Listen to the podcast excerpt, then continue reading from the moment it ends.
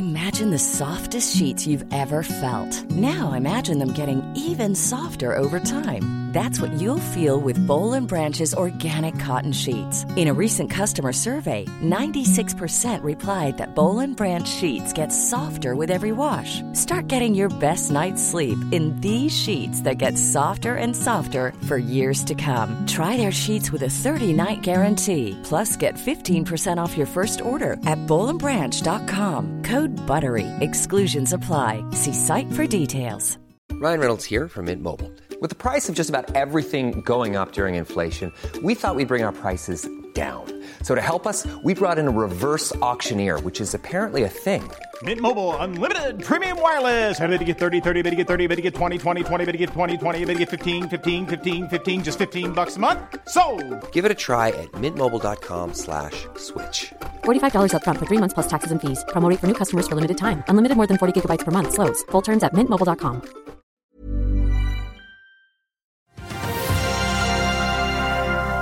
Tech-aksjer dro på fest etter rentemøtet i USA. SAS taper fortsatt store penger, og hvordan bør du egentlig tenke hvis du vil inn i fornybarsektoren nå? Det er fredag 23. mars. Velkommen til Børsmorgen.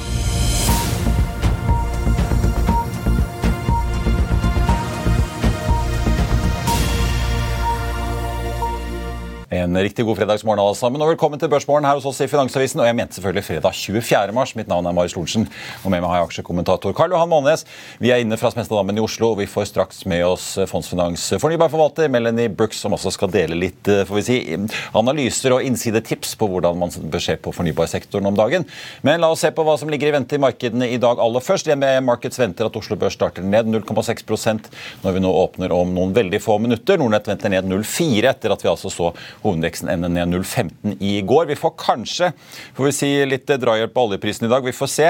Den har vært litt opp i eh, morgentimene til 75,70 på nordsjøoljen i spotmarkedet nå. Den amerikanske lettoljen igjen over 70 dollar-grensen, nå til 70 dollar og 20 cent. Wall Street mistet litt fart utover dagen etter en ganske bra start, men hentet seg inn til slutt. Da Jones SMP 500 endte opp 0203 ca., mens Nasdaq altså endte opp eh, så vidt over prosenten. Så er det verdt å merke seg noen av aksjene som pekte seg ut. Vi får ta med Netflix, da, som steg hele 9% i gårsdagens handel og toppet vinnerlistene. I eh, får vi si, nesten motsatte ende så finner vi to banker som vi har fulgt eh, med på. First Republic i California, som er en av disse regionale bankene som har mistet mye innskudd den siste tiden. Endte ned 6% Pacific West, som også altså har mistet 6 milliarder dollar i innskudd, ned 8 0,6 I Asia i morgentimene så har vi sett at Nikkei endte ned 0,2, mens Hongkong og Kina der er de også svakt ned eh, foreløpig.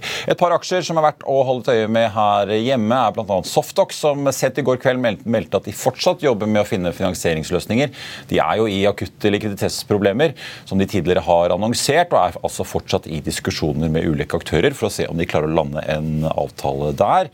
Og så er det da siste dag for å tegne seg i reparasjonsemisjonen i Archer i dag. Den ble jo da satt på en stor rabatt ned på 1 krone aksjen i emisjonen. Gjensidige går for øvrig eks utbytte i dag på 8,25. Ellers av nyheter. Equinor traff får vi si, en tørr brønn like nord for Visundfeltet. Aker BP og Vår Energi er med i den lisensen. Det har det kommet melding om i dag. Og så er det jo også sånn at vi går og venter på kanskje potensielle nyheter om makseskatten når som helst i disse dager, i og med at det er hintet om at den kanskje da vil komme før påske. Høyre vil i hvert fall ikke støtte regjeringens forslag til grunnrenteskatt. Det fremkommer da av tre ulike resolusjoner som eh, blir sendt inn til landsmøtet i partiet, som avholdes om ikke altfor lang tid. SAS ute med sin månedlige oppdatering i forbindelse med Chapter 11-restruktureringsprosessen. De tapte nesten 900 millioner svenske kroner i februar måned. Omsetningen endte på 2,75 milliarder. og Da får vi jo summere opp perioden da november til februar. Da tapte altså selskapet 3,6 milliarder svenske kroner. Som vi har snakket om før, så har det rent ut milliarder av kroner gjennom høsten og over nyåret, eh, som de altså fikk inn i fjor i denne brofinansieringen fra Apollo. Vi skal ta en dagens gjest og er tilbake rett etter dette. Vil du bli oppdatert på det viktigste som har skjedd innen finans og næringsliv? Da er det bare å følge med, for hver morgen er jeg, Marius Lorentzen og aksjekommentator Karl Johan Malnes på plass i studio for å ta tempen på dagens marked i Børsmorgen. Og hver ettermiddag oppsummerer vi alt du trenger å vite i økonominyhetene, og det blir selvfølgelig masse interessante gjester. Klikk deg inn på fa.no-tv, eller søk opp Børsmorgen og Økonominyhetene der du hører på podkast.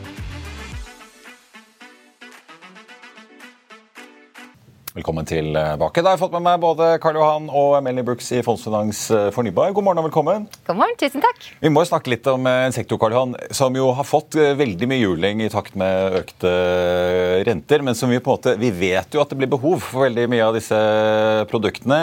Men som vi også har snakket om, det er viktig å holde tungen rett i munnen og treffe på hvor man plasserer pengene sine. Ja, det har Melanie gjort. Hun har en bredt diversifisert portefølje, så det er best at hun forklarer hva hun har gjort, for dette kan hun. Hun har jobba med det i mange år. Så... Du har tittet på månedsrapporten nå? Ja. ja. Så langt i år så jeg det var opp ca. 3% Det svinger jo litt selvfølgelig ja, det svinger mye. dag til dag. Det svinger mye. det er mye som skjer i markedet nå. Men jeg tenkte å begynne, fordi Du kom inn i 2021. Du har vært i oljefondet før, du har vært i Folketrygdfondet. Jobbet mye med ESG. Mm. Eh, dere endret litt strategi, for dette er jo et fond som har eksistert i 20 år. Mm. Eh, men endret strategi i 2021 eh, samtidig omtrent som du kom inn. Ja, kan du si litt om hva dere gjorde? Ja, så Det var egentlig før jeg startet i Fondsfinans at de endret mandatet. Det var en global energimandat før. altså Veldig globalt diversifisert innenfor fossilt og fornybar. Eh, og så tenkte de over tid at vi, ser hvilken retning dette går i. ikke sant? Det går mer og mer mot fornybar. Og mandatet i seg selv begynte å holde altså, mye mer fornybare aksjer i porteføljen. Og det var eh, ja, rundt slutten av 2020 at man bestemte seg for å gå over til en sånn ren fornybar mandat. Og det var også større etterspørsel etter det blant kunder. Så det var i 15. februar 2021 at man endret mandatet, som er kanskje verdens verste tidspunkt. fordi da, da var helt på toppen. På toppen. Ja. så det hjelper ikke med den eh, three year track record. så Nei. vi må bare komme oss forbi det. Og så startet jeg i Fondsfinans i november 2021. Uh, kom en som ESG-ansvarlig og forvalter, og tok over som ansvarlig forvalter av fornybarmandat 1.1 i fjor rett før det, Russlands invasjon av Ukraina. Ja, så det har vært en veldig eh, ja, skummelt og spennende reise. Eh, Berg-og-dal-bane, men også veldig veldig interessant å sette seg inn i, i disse selskapene. Og ikke minst liksom, hva som skjer politisk. Og, og vi ser at det er veldig mye av det som driver disse fornybaraksjene nå. Ja, for jeg var inne på det. Økte renter har jo gitt mm. også vekstaksjer. får vi si, Masse teknologiaksjer også som har fått ordentlig mye juling. Eh, på Oslo Børs har vi hatt nesten en litt sånn opprydning. Mange selskaper uten noe særlig inntjening som har kommet og gått. Noen har eh, vokst litt opp på hovedlisten, andre har blitt kjøpt. Mm. Eh, hvordan føler du sektoren er nå? For Du sitter jo i mange store etablerte industrikonsern. Du sitter i noen av disse vekst- og, og eh, får vi si, gründerselskapene nesten. Mm. Men opplever du at nå er man litt sånn bak stormen og begynner å tenke litt fremover, eller er det fortsatt mye usikkerhet? Ja, Vi tenker jo alltid fremover. ikke sant? Det er jo et fond som har en syv års investeringshorisont. Man må løfte blikket og ha på de lange brillene for å se på eh, fornybaraksjene. Eh, multiplene har jo kommet ned på en del av disse mindre selskapene, og så har lønnsomheten kommet mye nærmere. Mm. De som ikke tjener så mye penger i dag, så nå ser vi at de blir liksom, EBITDA-positivt neste år eller 2024. Så det, er jo, det hjelper litt. så Det hjelper med å rettferdiggjøre verdsettelsen på, på noen av disse, spesielt når de leverer generere så mye vekst eh, i salg. Eh, så det er jo veldig bra på den ene siden. De er jo veldig sensitive for renteoppgang. Og vi ser at med en gang eh, folk forventer at det kommer til å være redusert lavere rentenivå, så blir det veldig bra for disse aksjene. Men vi vet at de vil ta tid. Og det blir litt, sånn litt høyere renter enn vi er vant til i en periode fremover.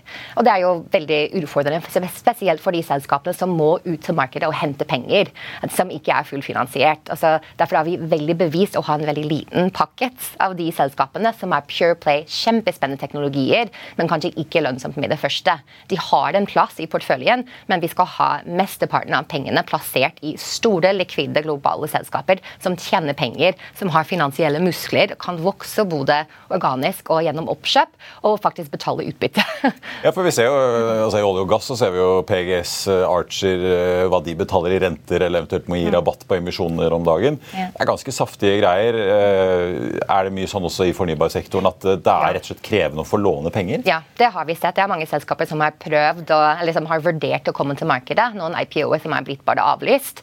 Eh, eller selskaper som kommer ut og prøver å hente penger, kjøre emisjoner, og så blir det til en, en ganske heftig rabatt mm. sammenlignet med, med aksjekursen. Så vi så uh, nå nylig Everfuel, som ikke har det i porteføljen. Um, ja, det, det danske hydrogenselskapet. Mm, ja. ja. Så de har jo mange slike tilfeller, men disse selskapene må jo vokse. Og det er kanskje det som mange sitter og venter på. Eh, når blir de fullfinansiert? Fordi det blir bare utvanning av aksjonærene frem til de faktisk oppnår den. Skal vi snakke litt om eh, hvordan du sitter posisjonert, for det har jo en bred eksponering, men det er mye sol. Eh, fra panel egentlig helt ned til som vi snakket om før sending, inverterne. Ja, liksom, altså det elektriske utstyret som også trengs i mm. bakhånd. Ja. Ja, det er vi. Og vi, tenker, altså, vi, vi investerer i fire vertika vertikaler. Det ene er sol, eh, vind, så har vi lagring, og så har vi en sånn annet bøte der du kan plassere veldig mye fra biodrivstoff til energieffektivisering og CCS f.eks. Men eh, sol vet vi altså i veldig mange deler av verden er sol blitt den billigste form for ny energi. På en liksom, levelized cost of energy-basis, spesielt storskala sol. Så vi tenker at det er jo kjempeviktig å, å være investert der og være eksponert. Og så har du kortere tillatelsesperiode for sol enn du har med vind, f.eks. Eh, og så har vi da eksponering mot de som lager moduler, paneler. Um, electrical balance of system, den type som, som de sier leverer inn elektrisk utstyr til den type storskala solanlegg. Men vi har også Eh, eksponering mot residential solar, eh, solpaneler på taket, eh, solar battery, som man kan ha backup power hjemme, mikroinvertere som tar strøm som du får inn på taket, og konverterer den til strøm du kan bruke i huset. Lade elbilen med. Så vi har en ganske god eksponering der, og, og den tenker vi er jo veldig riktig å ha i en portfølje som, som vi har, også gitt hvor moden teknologien er. Men ja, fordi Man kan jo tenke hvis man skal inn i fornybar at det er spennende å gå inn i som Motovo. Du har jo First Solar. Mm mange av disse på en måte som er mest synlige, og der hvor liksom kraften gjerne produseres, eller eh, sånn. Eh, eller laderen som du tar i bilen. Men du har jo også typ liksom Schneider Electric, som jo eh, er jo ikke akkurat et nytt selskap. Nei. Men er det, er det også litt av sannheten at veldig mye av Hvis man skal investere fornybart, da, så må man også sette egentlig veldig mye penger i litt kjedelige, trauste bedrifter som tross alt leverer ja, Når man faktisk liksom, eh, drar av folien, så leverer de faktisk veldig mye av det utstyret som må på plass. da. Ja, det er akkurat det. Selv om det ikke er så sexy, kanskje? Ja, ja jeg syns Schneider Electric er kjempesexy, men det er kanskje bare meg. Uh, men jeg tenker altså, Et selskap som Schneider Electric eller Johnson Control som vi har i USA, de satte veldig mye på dette med energieffektivisering. Og det er jo den laveste hengende frukt for å få ned utslipp i tråd med de målene vi har satt oss for 2030 og 2050. Uh, altså, litt, jeg sier dette hele tiden, men som den billigste sikreste med tanke på energisikkerhet, sikreste og grønneste form for energi du kan ha, er den du ikke bruker. Vi vet vi må få ned energiforbruk forbruk med alle typer eh, prosesser og alle deler av økonomien vår. Og Det har også EU satt et mål. Jeg tror vi skal redusere sluttforbruket av energi med 11,7% innen 2030. Og Da har du selskapet som Schneider og Johnson, som er veldig godt posisjonert. Og igjen, disse selskapene er kjempestore, likvide, har et globalt fotavtrykk, veldig diversifisert, betaler utbytte, er lønnsomme og har muskler som de kan vokse gjennom oppkjøp. Så det syns vi er en veldig fin ting å ha i portføljen. for du balansere det som er litt mer sexy og spennende, og ikke like lønnsomt i dag, men har mye vekst. Eh, hva tenker du om, om uh, hvor i solbransjen? Vi så jo Otovo som kom med resultatvarsel her for ikke så lenge siden. For myndighetene i Italia bare whoop, begynte å trekke ut uh, subsidieordninger. Mm. Også et helt annet måte, kostnadsnivå enn disse store utility-solparkene som har, trenger en mye lavere strømpris for å være break-even. Uh, har du på en måte Ser du liksom at eh, det ene vinner over det andre innen sol, eller tenker du at her, man må bare spre vetsen ut? Alt, egentlig. Altså, vi vet, med tanke på teknologi så trenger vi alt. Og vi vet at det kommer til å være ganske mye ny uh, rooftop solar, residential solar, installert bolig i Europa og USA. Akkurat nå ser det litt, sånn, litt vanskelig ut, fordi strømprisen har kommet ned. Eh, vinteren er snart over, og de fleste har jo glemt strømkrisen fra i fjor. Er, vi er jo litt kortsiktige eh, mennesker, så det blir fort at man ikke tenker på det før strømprisene kommer opp igjen neste høst vi begynner å om, snakke om en ny eh, strømkrise, som man allerede gjør det i Tyskland, fordi vi vet at vi ikke er klar for, for neste vinter. Men dette med høyere kostnader på innsatsfaktorer, høyere kostnader på, på labor costs, installasjon, alt dette treffer selskapet så som, som eller sånn Sunrun eller Sonova i USA. Um, vi vet at det kommer mye vekst i den sektoren fremover, men de er ikke klare til å knekke koden nå på lønnsomhet. og Det syns vi er litt uh, skuffende. Um, og det at de italienske myndighetene en, uh, valgte å endre, eller har foreslått å endre, det er ikke endelig uh, bestemt, det blir nå i april, men at de valgte å endre den subsidien, subsidien at det blir da nå tilbakebetalingstid på syv år istedenfor fem. Så det endrer ikke heller equation. Man, det, det, gir faktisk mening fortsatt å installere solpaneler, men det gjør at folk er mye mindre villig til å ta den risken og ta den kostnaden up front. Og det viser også hvor sårbare mange av disse selskapene er for endring i regulering. På både oppside og nedside. Ja. Ja, For mange av de er jo avhengig av insentivordninger eller eh, ja. Ja, altså, fordi vi vet igjen at det med uh, landbasert vind og storskala sol, det er jo billigst av alt. Altså, det, sånn har det vært siden 2018. ikke sant? At det er mye billigere å investere i en solpark eller en vindkraftverk enn uh, kull eller gass. Til og med offshore wind har jo kommet ned på nivået med, med gass og kull. men ja, disse selskapene de trenger det, ikke direkte insentivene for å produsere, men de trenger et regelverk som faktisk støtter opp under under de investeringene. Man trenger forutsigbarhet. Vi trenger å vite hvilke regler, hva spillereglene er i markedet. Og når det kommer nye pakker fra EU hele tiden, og enkelte EU-land, og så har det e, e, USA sin IRA, og det gjør da at eh, det blir på noen måte enklere å regne på, men det er en sånn veldig fast moving space og mye vanskeligere å få å treffe riktig. Ja, hvordan forholder du deg som forvalter til type Inflation Reduction Act, og nå er det jo, får vi se hva som kommer i EU. da, Men det er mye riktige spekulasjoner. Så ser vi jo bedriftene, enten du snakker, ser på Freyr eller du ser på andre store aktører i Europa, så sitter de bare sånn. og Nå vil de heller til Georgia eller holde på i den og den delstaten i USA og snakke kanskje vi dropper. altså Northvolt har vært ganske tydelig på at de skal bygge fabrikk i USA før de bygger i Tyskland. Mm. Etter da den første fabrikken i Sverige. Men som forvalter, eh, hvordan forholder du deg til til det, på en måte? Ja, Det er jo det er ikke lett. Ikke sant? Fordi Vi vet at vi trenger da å øke produksjonen i USA, eller i Europa og USA. Men USA har vært mye tydeligere på hvilke spilleregler som, som er, og hvilke uh, insentiver som kommer. og Det er liksom direkte betalinger og manufacturing tax credits, production tax It's that time of the year. Your vacation is coming up. You can already hear the beach waves, feel the warm breeze relax, and think about work. You really, really want it all to work out while you're away. Monday.com gives you and the team that peace of mind. When all work is on one platform and everyone's in sync, things just flow wherever you are. Tap the banner to go to Monday.com.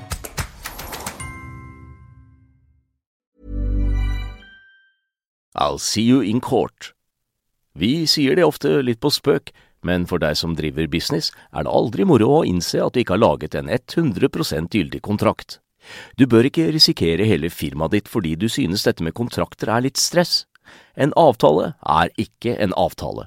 Du kan miste kunder, miste venner, ja, til og med miste inntekter om du ikke lager en skikkelig kontrakt, på alt mulig, egentlig. Men vi vet det er et styr. Kopimaskiner, tregprinter og haugevis av papir. Dessuten stoler vi jo på folk her i landet. Det er ofte litt kleint å skulle be om en signatur for alt mulig, ja, for mye av styret handler også om jakten på underskriften. Det finnes en enkel måte å løse dette på, Dukkobit, en trygg, effektiv og get this, gratis måte å sikre seg en god natts søvn pluss en juridisk bindende avtale. Dukkobit-appen har de strengeste sikkerhetskrav i bunn, samt en EU-godkjent og sertifisert teknologi. Framover vil det bli behagelig å spørre du, skal vi skrive under på det, eller? Kom i gang på dokobit.no. Det gjør det enklere for selskapene og investorene å regne på. Så vi vet da hva du får i USA hvis du produserer en kilo med grønn hydrogen. Vi vet hvor mye du får um, med den 45Q skattelette, eller tax credit, uh, hvis du klarer å, å fange og uh, lagre en, en, tonn med CO2. Så da kan du faktisk ta det inn i modellen din og regne på det. I Europa har vi mer liksom top down goals. Vi vet at vi har disse high level targets innen 2030. Um, om det er med tanke på å redusere utslipp med 55% om det er med å øke energi fra fornybar til 40 uh, Nå har de kommet med den Net Zero Industry Plan, som sier at man skal produsere uh, opp mot 40% av ting som batterier, solpaneler og varmepumper i Europa. Men vi ser ikke de samme tydelige insentivene for hvordan man skal finansiere det. Og så blir det opp til selskapene da å bestemme uh, ok, skal vi satse her vi vet hva vi får. Eh, for de, den produksjonen de har? Eller skal vi satse i hjemmemarkedet også? Og Det blir liksom veldig mange forskjellige grunner. Og, og bak ja, de valgene Freyr er jo ganske åpne på at de får telefoner fra investorene sine, og åpenbart også långiverne, som er ganske tydelige på at uh, ja. Her må noe skje, da. Ja. Men du er jo også ESG-ekspert, og veldig mye av ESG har jo kommet ned til at man bare teller karboner. Du har jo et bredt fond, og det er jo eh, fornybarfond, men eh, hva er framtiden til ESG-investeringer? Kommer man seg bort fra at det bare er karbontelling, eller blir det denne type fond man sitter igjen med, og at eh, når teknologifondene i USA går ned, så blir ESG-investeringer mindre populære? For BlackRock har jo brukt ESG til å selge amerikanske teknologifond, amerikanske mm. indeksfond. Hva, hva, tenker du om det? Du har sikkert sett mye på dette? her. Ja, det har jeg. Og jeg tenker så vi, vi som er det, altså, skal jeg si, en true believer believer ja. for det med, med, ESG. Vi ser på veldig mye annet enn bare CO2-fotavtrykk. Det har med human kapital å gjøre det, det har mye med god corporate governance å gjøre det. Og de tingene er like viktige som alltid. Eh, men jeg tror det har vært mye, mye hype i markedet, og folk tenker bare på bare ting de kan telle. Ja. Da blir det mye det lettere med CO2-utslipp. Ja. Og det er det tydeligste du kan se fra selskapenes side. Eh, men det er jo mye annet eh, som går på forretningsmodeller og strategier som er veldig viktig. Og når jeg tenker på ESG, det, er som hvordan du driver et selskap. Eh, alle selskaper, om du er et tobakksselskap eller et kullkraftverk, du har ESG-faktorer som du skal forvalte inn i forretningsmodellen din. Fordi du har ansatt, du kjøper en strøm, du har et styre. Så du skal håndtere ESG på en god måte uansett hvilken sektor du er i. Men ikke, du kan være veldig god på ESG innenfor din sektor. og også ikke være bærekraftig. ikke sant? Vi, kan, vi er jo enige alle sammen at tobakksselskaper påfører samfunnet ganske store kostnader. Eksternaliteter i form av eh, negative impacter på, på helse f.eks. Men de kan drive virksomheten på en måte som er ganske god på ESG. Så man må klare å ha to tanker i hodet samtidig. Og jeg tenker altså, Det som folk er litt mer interessert i nå fremover, er å satse på de ordentlig bærekraftige selskapene. Og jeg så her om dagen som snakket dere litt om outflows fra ESG-fond, men vi har sett store inflows i de fondene som satser ordentlig på bærekraft. Og i EU har du den offentliggjøringsforordning som krever at selskapene rapporterer i henhold til artikkel 8 hvis du fremmer ESG, integrerer gode ESG-hensyn, eller artikkel 9 som har bærekraftig investering som formål. Og det er den type fond som jeg forvalter i Fondsfinans. Og det er der i artikkel 9-fond at vi har sett mer inflows, mens ESG-fond, vanlig ESG-fond, det sett outflows. Mm. Så jeg tror folk har liksom begynt å, å Det er en selektering som skjer på en måte, da? Ja, ja altså at de vet at det er, ikke, det er ikke bra nok å investere i Visa eller Mastercard eller Facebook bare fordi de har lav CO2-utslipp. Hvis vi skal få verden altså, til å være ordentlig mer bærekraftig og være investert i løsningsselskaper, så må det være investert i selskaper som har en veldig tydelig strategi, og som faktisk leverer produkter og tjenester som skal få oss med, altså få oss til eh, å nå de målene som vi har satt som en del av Parisavtalen eller FNs bærekraftsmål. Du, du, kommer jo fra en av de mest down to earth-statene i USA, med New Mexico. Det har Santa Fe, som er byen, en av de mest besøksverdige byene i USA, som nesten ingen nordmann besøker. og Det er fantastisk fint. Det er indianerstammer som eh, klatrer og konkurrerer med, på, på, på Polen for å bli høvdinger når de blir voksne. hvordan eh, Er, er ESG-investeringer noe som man mest holder på med i California og New York, der man har mye penger? Mm. Eller hvordan ser man på dette her i den down to earth-staten yeah. i Mexico? Hvordan ser man på det der? I New Mexico er vi veldig praktisk. Vi er opptatt av å få billig eh, energi. Og det billigste energi du kan få i New Mexico, er det sol.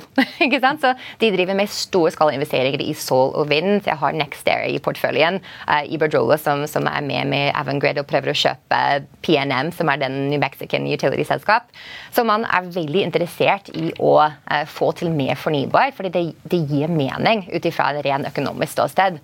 Uh, og New Mexico er faktisk en litt sånn blue state, som er demokrat delstat i USA. Eh, men hvis du ser til nabodelstat, som er Texas, som er en helt, eh, helt egen, eh, egen, sak, det er, det er, blant de delstatene som har sagt, eller hatt mest negativt å si om ESG, og har faktisk kastet ut BlackRock fordi de, de ville ikke finansiere olje og gass. de tenkte det var Greg Abbott ja. er ikke akkurat noe liberaler. Nei, det er han ikke. Men hvis du ser til, til Texas, Florida, Oklahoma, dette er noen av de mest konservative delstatene i USA. De er veldig anti-ESG og anti-woke-politikk og, og det, men det er de som satser mest på fornybar.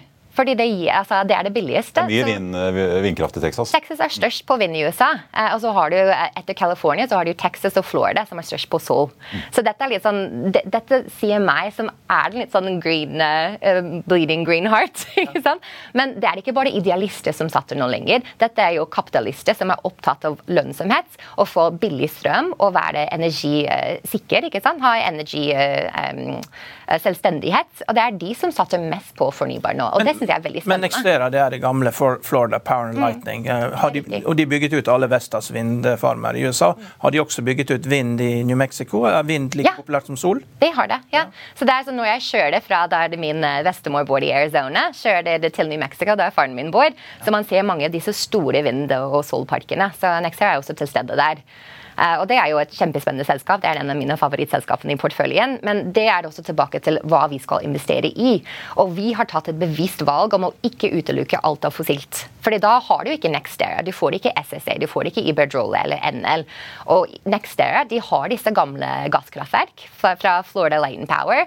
De har også eh, kjernekraftverk. Ja, Og det blir som Statskraft, på en måte, som også sitter med gasskraft i Tyskland fortsatt. ikke sant? Ja. ja. Altså, de, men de, de investerer så mye. De tjener penger på den, den eh, altså legacy-biten. Den er jo nedbetalt. altså Selger de billig strøm fra den, men de bruker alt av sin cashflow til å investere i ny fornybar kapasitet. Og det er gjennom de investeringene at de klarer å gi kundene sine mye lavere strømpriser enn konkurrentene. Santa Fe de, de bygger jo fortsatt sånn adobehus av leire. ikke sant? Mhm. Ikke fortell meg at man har solpaneler på taken på noen av de husene. Er det det? Det vet jeg faktisk ikke. Det vet jeg ikke. Det vil høre med til uh, Da får. Du får dra på sånn studietur du nå til eh, Du kan bli med. Jeg skal ja. om to måneder. Hjelpe dere å ordne flybilletter. Ja. Uh, til slutt, Melanie, jeg, jeg hører litt om vind. fordi Du sitter jo litt som du er inne på, SSC, du sitter i Ørsted, mange av disse, og Vestas, mange av disse store aktørene i bransjen. Men vi har sett at de, det virker som mange av de sliter. En ting er at Vestas og Siemens Gamesa taper penger. Eh, men vi ser Ørsted og en del av disse som bygger ut parker også, enten ta tap, som jo Ørsted gjorde på Horizons-parken sin i USA. Nå har det kommet frem at Ørsted vil også ut av dette Hornsea-treet i UK, fordi at eh, kalkylene har plutselig snudd helt i gal retning eh, for dem. Hva tenker du om utsiktene for liksom, offshorevind? Nå går vi jo snart i gang med et svært prosjekt eh, her hjemme. eller Det skal utlyses to blokker i Norge. Vi ser veldig mange selskaper på Oslo Børs også eh, som også jobber opp mot liksom, servicedelen av uh, dette. her. Da. Nå mister vi jo Seaway 7 uh, inn i Subsea 7 igjen, men vi har IVS, vi har Edda Vind altså, vi har mange som, Kadeler. Som, som jobber inn mot dette. her. Hvordan ser du liksom, på utsiktene for den sektoren? og Har du noen favorittsteder i den i verdikjeden hvor du liker å sette pengene? Jeg er jo egentlig eksponert gjennom hele verdikjeden til, til offshore wind. Um, men det er jo som du sier, det har vært veldig krevende. Uh, utfordrende med lønnsomhet de siste par årene. og Vi er ikke helt ferdig med den perioden nå, men jeg tror at vi ser lysen, uh, lyset gjennom av tunnelen nå. Uh, selskaper som, som Ørsted, som Vesta, som Siemens med uh, de har jo gjort alt de kan nå for å få bedre uh, avtaler. Uh, bedre avtaler med tanke på PPA-er, som er inflasjonsjustert. som... Altså uh, kraftavtalene for å selge strømmen. Ja. Nettopp, ja. Fordi det var det som gjorde at, eh, at Ørsted måtte gå ut av det prosjektet i USA. De innså at det, det var ikke lønnsomhet i prosjektet. Eh, sammen med det i UK. Hvis man inngår da avtaler med prisforutsetninger som er ti år gamle, så blir det veldig vanskelig å, å drive lønnsomme prosjekter i dag når du har høyere transportkostnader, høyere råvarepriser. Eh, alt det der har gjort det å, å drive vindpark mye, mye mye dyrere. Og det samme på leverandørsiden med en sånn Vestas og Gamesa. De hadde en sånn eh, orderbook som var jo fylt opp med ordre som var ikke nødvendigvis inflasjonsjustert, Altså som ikke tok høyde for disse altså, økning i, i stålkostnader eller sånn eh, flaskehalser i leverandørkjeder. Um, så de er i ferd med å, å liksom bli Rydde opp i. Rydde opp i. Ja, jeg skal ikke si bli kvitt, de skal levere ferdig, men rydde opp i det. Og nå fremover får de da en høyere ASP, en sånn salgspris, på de, de prosjektene de selger. Og altså, Siemens Gamesa og alle de andre de har jo sagt nå skal vi bare by på prosjekter der vi kan tjene penger. Uh, og Det er litt sånn mindre konkurranse på en måte, um, på flere måter. Du ser at det er jo mange fæle som nå byr på disse offshore wind parks. Uh, Ørsted var alene med den siste i Rhode Rhode Island nå nylig. Uh, så det blir da at det er fæle som underbyr hverandre. Så det blir lettere å sikre lønnsomhet hvis man får da inflasjonsjusterte kontrakter, avtaler. Og det med Gamesa Vestas, de er jo de største. Også GE, eh, som kommer til å bli som spinnes ut eh, av, av GE-konsernet og være selvstendig. Og rapportere eh, på selvstendig måte. Så du kan ikke gjemme et sånn ulønnsomme Du kan ikke gjemme tapene lenger. Nei, ikke sant? Og så blir det det at eh, det er jo de to større, store som vi ser på i Europa, Vestas og Siemens Gamese. Eh, og så ser vi de har liksom prøvd å konkurrere med hverandre, og hvem skal ha den største turbinen hele tiden. Men når du lager en mye større turbin, eh, så blir det da at du også må lage en ny produksjonsanlegg. Så det har vært veldig mye capex for disse selskapene. Mye R&D, mye capex, mye ny produksjonsanlegg, som har gjort det veldig vanskelig å drive lønnsom eh, virksomhet. Men nå har de sagt OK, slutt, litt på det. Slutt på Klondyke, Vi skal ha en sånn litt saktere in- innovasjonssyklus. Og, og, nå blir det oppskalering. Og Vessus sier jo at de skal ha 10 EBIT-margin i 2025, og det må vi bare håpe uh, stemmer. Men igjen, løfte blikket, vi har de lange brillene på, og dette blir bra til slutt. Hva er den siste aksjen du la til i porteføljen? og Hvilken er det du har kjøpt sist nå? Oh, ja. Det har jeg, har egentlig solgt ganske mye i det okay, siste. Okay. Jeg har redusert litt, for jeg har jo et par selskap som jeg ikke har tatt inn ennå. Okay. Uh, som jeg ønsket å frigjøre litt cash for å kunne kjøpe inn for å, å øke uh, en del av porteføljen der jeg mener jeg er Da skal du slippe å si hva det er hvis ja. du ikke har kjøpt den. Jeg, jeg har faktisk uh, solgt litt i First Solar nylig. Det er jo største beholdning i, i porteføljen. Du må jo ta gevinst. Den har tredoblet seg, gått over 5% Da må du skalere ned. Flere ganger nå ja, nylig. Ja. Så det er jo Luksusproblem. Det er det. Men da har jeg trikset med sånn, hva skal man investere i isteden? Ja. Så jeg er alltid eh, opptatt av å finne nye muligheter. Men det er jo, det er jo fornuftig å selge eh, First Solar, da, fordi det er et selskap som ikke har hatt noe inntektsvekst, og det er en aksje som mange forbinder med Sol, men som nødvendigvis ikke er en god aksje. Mens Enface, som er den nest største aksjen, har tidoblet salget sitt og driver med microinverters. Men det er jo sånn at man hva, hva, er det eh, Tangen sier? Man skal kjøpe det andre, man tror andre kjøper, og andre tror jo at First Solar er bra, men det er jo, eh, det er jo et selskap som ja, eh, har vokst sterkere før. da. Men det er også en sånn sterk ja. story-stock, og ja. det ser du veldig mye av i dette spacet. For så er det en av de eneste som produserer solpaneler i USA, som kvalifiserer for disse production og manufacturing tax credits, som da vil gagne alle sine kunder. Altså Det er det som har gjort at First Solar-aksjen har gått så mye. Kan det være hyggelig når man blir mindre avhengig av Kina? Ja, Melanie Brooks i Fondsfinans Fornybar, tusen takk for at du kom til oss. Takk for meg. God helg etter hvert. På tappet av sendingen tenkte jeg bare å ta med kort et par eh, analytikeroppdateringer som har eh, kommet inn. Vi så jo XXL falle kraftig i går da på nye, eller nye, ja, altså nye kursmål sånn fra Arctic og Sparbank Markets. Nå er DNB Markets ute og gjenopptar sin dekning av XXL med en hold- og kursmål på 2,6. Den aksjen er nå ned nye 2,9 i dag til 2,30. 98. Så vi også ta med Okea, da, som eh, nå Arctic har løftet eh, kursmålet på litt fra 50 til 55 kroner. Fortsatt kjøpsanbefaling der. Okea ligger på 29,10, opp, nei, unnskyld, ned 0,7 i dag. Så har vi Softox, som også sliter eh, tungt da med likviditeten, også på børs, ned 31 til i dag, etter meldingen om at de altså fortsatt ikke har landet en finansieringsavtale.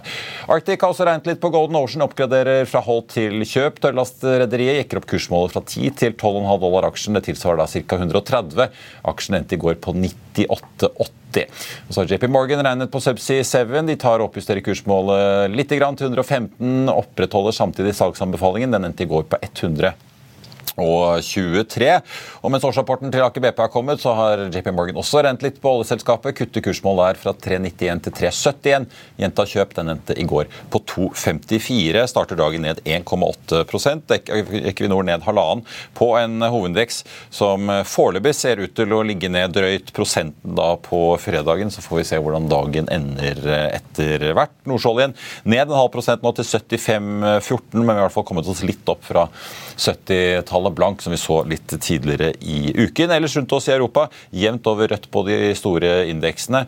Så får vi ta med at veldig tidlig, i hvert fall i eh, førhandelen på Wall Street, så peker futuresene mot en litt blandet start når eh, handelen skal åpne om noen få timer da i eh, New York. Det var børsmålen på denne siste børsdagen i uken, og så får vi si min siste børsmålen på en god stund, ettersom jeg nå skal i pappaperm. Men frykt ikke, jeg har noen gode kollegaer som skal sørge for at det blir vanlig børsmålen 08.55 på mandag. Jeg er også tilbake igjen her i Økonominyhetene klokken 13.30 i dag. Siste nytt får du på F1 og utover dagen. Tusen takk for at du har fulgt med så langt. Ha en riktig god helg når den tid kommer. Takk for nå.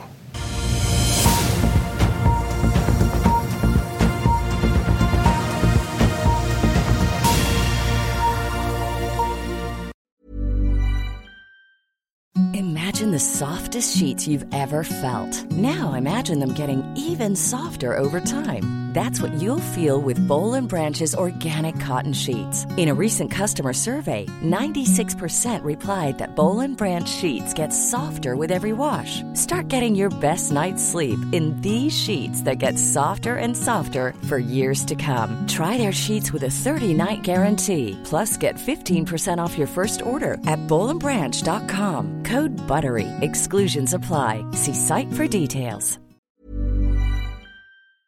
Økonominyhetene er en podkast fra Finansavisen. Programledere er Marius Lorentzen, Stein Ove Haugen og Benedikte Storm Bamvik. Produsenter er Lars Brenden Skram og Bashar Johar.